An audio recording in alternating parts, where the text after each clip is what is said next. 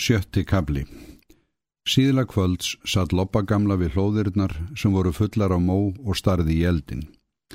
Hún tók sér kvíld frá störfum stundarkorn í ljósaskiptunum eins og aðrir á bænum.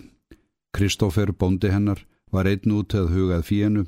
Það var starf hans á Katanesi og honu var lítiður verkjaðaður leiti. Vinnukonan sem Simónia hétt sá um fjósverkin. Hestan á tvo hyrti salfur meðan Haldur var að heiman, annars sá hann um það sjálfur, því að honum þótti væntum gæðingana og reið oft út langar leiðir sér til skemtunar, bæði vetur og sumar.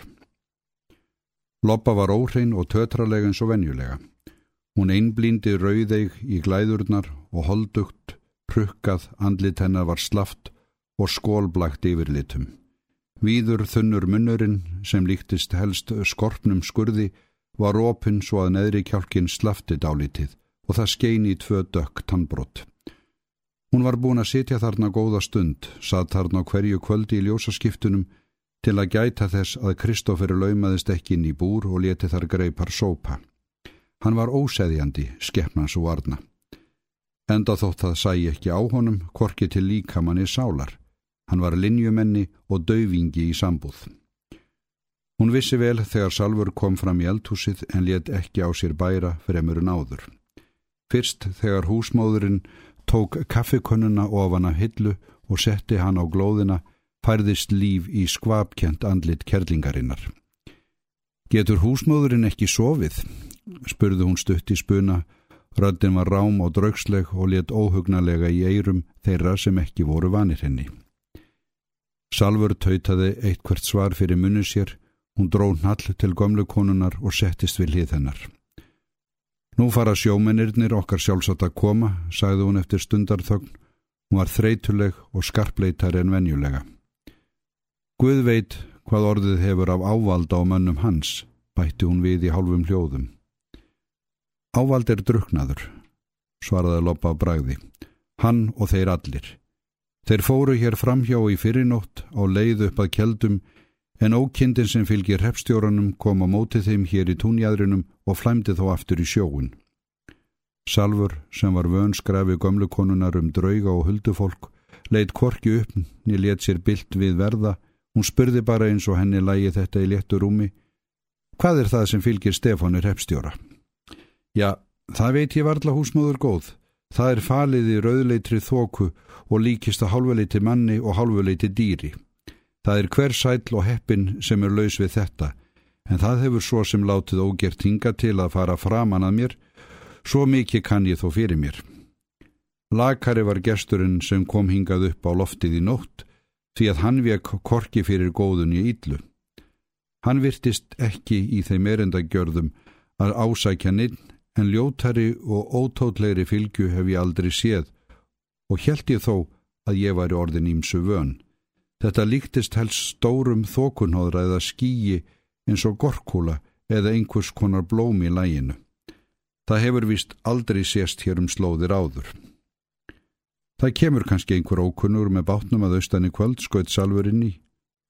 Um, um, tautaði gamla kona og starði í eldin. Og nú kemur sölvi bráðum, sagði hún, skömmu síðar. Fylgjan hans var að krafsa í glungan rétt fyrir byrtingu morgun. Símóni að rævillin verður kannski eitthvað skapetri dagana sem hann stendur hér við. Gamla konan sagði síðust orðin stutt í spuna og það var háðsreimur í röddinni. Salfur starði einni í eldin. Jæja, Sölvi flakkari, sagði hún, og það var eins og henni þættu þetta þó nokkra fréttir. Hún vissi að hans var von þegar Loppa segði það, það hafði aldrei bröðist. Raunar voru fleiri sem heldu því fram að þeir hefðu séð þann litla flögtandi fuggl sem átt að fylgja sölva þessum viðförla flakkara, skottulækni og kaupahjöðni. Sjálfri var henn ekki slíkt gefið. Það var engin skign í hennarætt. Já, nú hefur hann vist sopið og söldu, sagði Salfur eftir stundarkorn. Hún átti við ávalda. Auðmingja Ólafi Koti, hvað ætli verði nú um hana, eina síns liðs, úrraða lausa. Ójá, sjórin kref stundum stórrar greiðslu fyrir björgina sem hann veitir. Ég var sjálf óráleg þanga til fréttist af þeim. Ég held ég fengi aldrei að sjá haldur framar. En nú hefur allt gengið vel, Guði sér lof. Mmm, tautaði Loppa og starði í eldin eins og áður. Það gekk ofvel, hefðu þeir brotið bátinn eða mist eitt mann þá, en nú kemur það vist bráðum aftur á annan hátt. Við hvað áttu Loppa mín? Og húsmaðurinn veit svo sem að það er ekki mikið að marka hvað ég segi, en sjálfsagt veit hann eitthvað þessi plöntuskrætti sem var hér í nótt. Þú sagðist einhver tíma ætla að kenna mér að spá í glæður. Salfur brosti örlítið um leið og hún sagði þetta. Svo held hún áfram alvarlegri bræði. Getur þú ekki séð eitthvað í þeim núna, eitthvað um það hvernig eigi að afstýra þessu sem koma muni? Það er engu hægt að afstýra húsmáður góð. Forlugunum frestam á, en fyrir þau ekki komast. Spá í glæður? Ójú, en það er ekki mikið sem ég kann fyrir mér og svo er ég heldur ekki í því skapi núna. Það verð þó helst ef húsmóðurinn ætti tár til að gleðja á gamalt tró, en það er nú vist ekki svo vel. Það kynni nú samt að vera. Salfur reys brosand á fætur, hún gekk inn í búrið sem var við hliðin á eldhúsinu og kom aftur að vörmu spori með fulla hálflösku sem hún stakka gamlu koninni. Guð blessi þig og styrki, hvað sem það höndum ber, tautaði loppa og var nú dálítið mildar í skapi. Hún tók tappan úr flöskunni og söip vænan teig. Ilmurinn af sterku brennivíni blandaðist að reykja reymnum í halvroknu eldhúsinu. Þú verður þá að hafa hægt um þig og stein þeia þangað til ég segi. Sittu eins og ég og starðu í glæðurnar þar sem þær eru rauðastar. Hafðu augun hjá þér og deplaði þeim ekki. Legðu þér svo vel á minnið allt sem þú sérð og meðan ætla ég að atua hvort ég verð nokkuð svísari. Konurnar sátu þarna lengi hljóðar á álútar, fólu andlitið í höndum sér og einblíndu í kulnandi glæðurnar. Það leið laungstund áður en Salfur sæi nokkuð í eldinum og það, sem hún sá að lokum, var næsta tilkomi lítið. Mannfjöldi og dýr, fjöll og freyðandi sjór, samsapn af myndum sem hún botnaði ekkert í. Loks varð hún alveg ringluð og fekk söðu fyrir eirun. Þá reif hún sig upp úr mókinu og raku plátur. Loppa gamla rétti þá úr sér líka. Hvoru þeirra mælti orð frá vörum góða stund. Skömmu síðar voru dyrnar opnaður og stór, fengulegur kvennmaður kom inn. Hún var hreinlega til fara en fötinn fóru henni ítla og hárið var allt í óreiðu. Hún var enþá fríð sínum en kuldalegri og dapræri svipur gatt varla hugsast. Það var eins og hún bæri kulda og myrkur vetrarkvöldsins með sér inn í eldhúsið. Varir hennar höfðu einu sinni verið þykkar og þrýstnar en nú hertust munvikinn niður á við. Það var engu líkara en hún væri alltaf með tannpínu. Þetta var Simóníja, vinnukonan á Katanesi. Er veðri við það sama, Simóníja mín, spurði Salfur. Ó já, í sveipin er það. Málrómur Simóníu var álíka dapur og andlit hennar. Nú, er hann farin að þykna aftur, spurði Salfur og var fljótmælt. Nei, ekki eins og er, en það má svo sem alltaf búast við því um miðjan vetur. Það er hægt við því, Salfur brosti og varð róleg aftur. Þegar Simóníja var farin spurði hún loppu, sástu nokkuð? Það getur nú varla heitið, þú eidilaðir það með hlátrinum í þér. En þú? Salfur hristu höfuðið. Andartæki síðar var eldhúshurðinni hrundið upp og skeggjað andlit sem ljómað af gleði kom í gættina. Það var Kristófer gamli. Þeir eru að koma, rópaði hann. Þeir eru komnir allalegðin á vógin, bætti hann við í lægri róm og gaf konu sinni hortnega. Já, já, þú þarft ekki að sprengja í okkur hlustirnar, töytaði Loppa gamla reyðilega.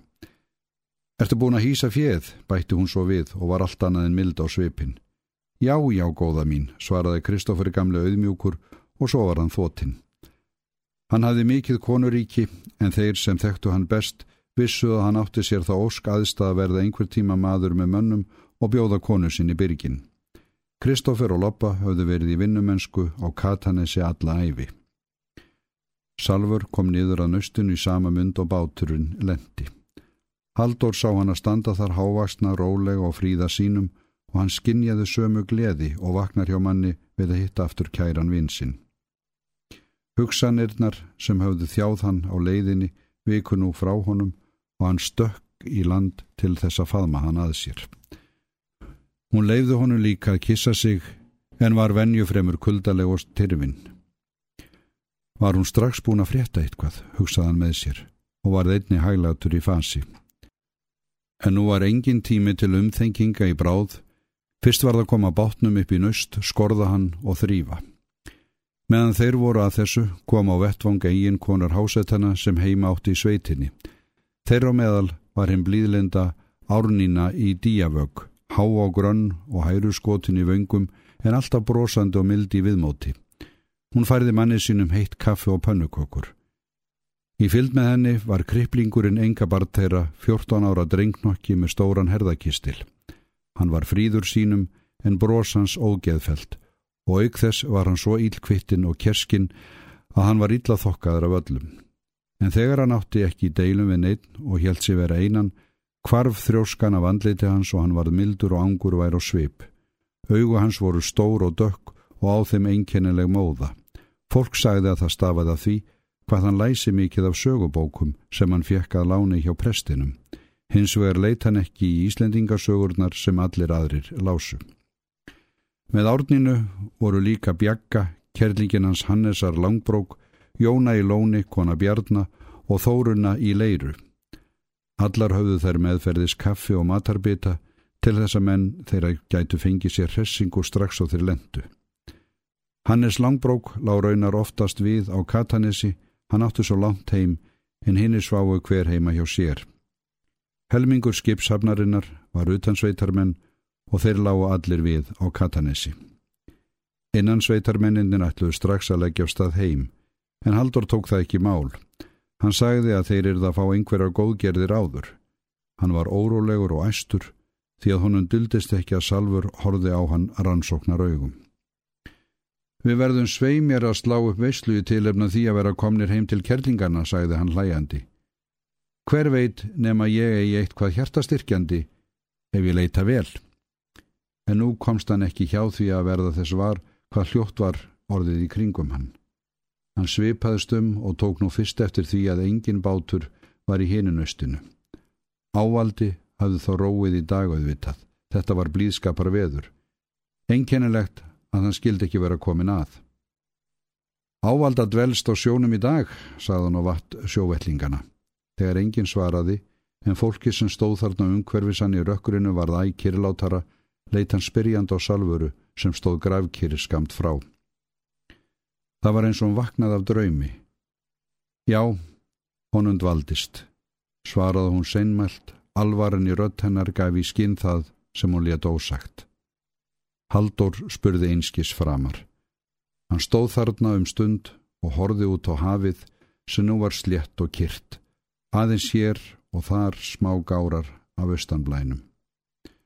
Túnlega var enn ekki komið upp svo að skuggsýnt var en samt ágætt skigni. Ströndin umhverfist þennan þraungavók var hrjóstrug og kuldaleg, kolsvört fjaran stakk í stúfið mjallkvitt landið, en loftið var þrungið tilbreytingarlausu nýðandi hljóði sem sefaði óró hugans. Það var kvísl og gjálfur haföldunar við ströndina í kyrð vetrakvöldsins.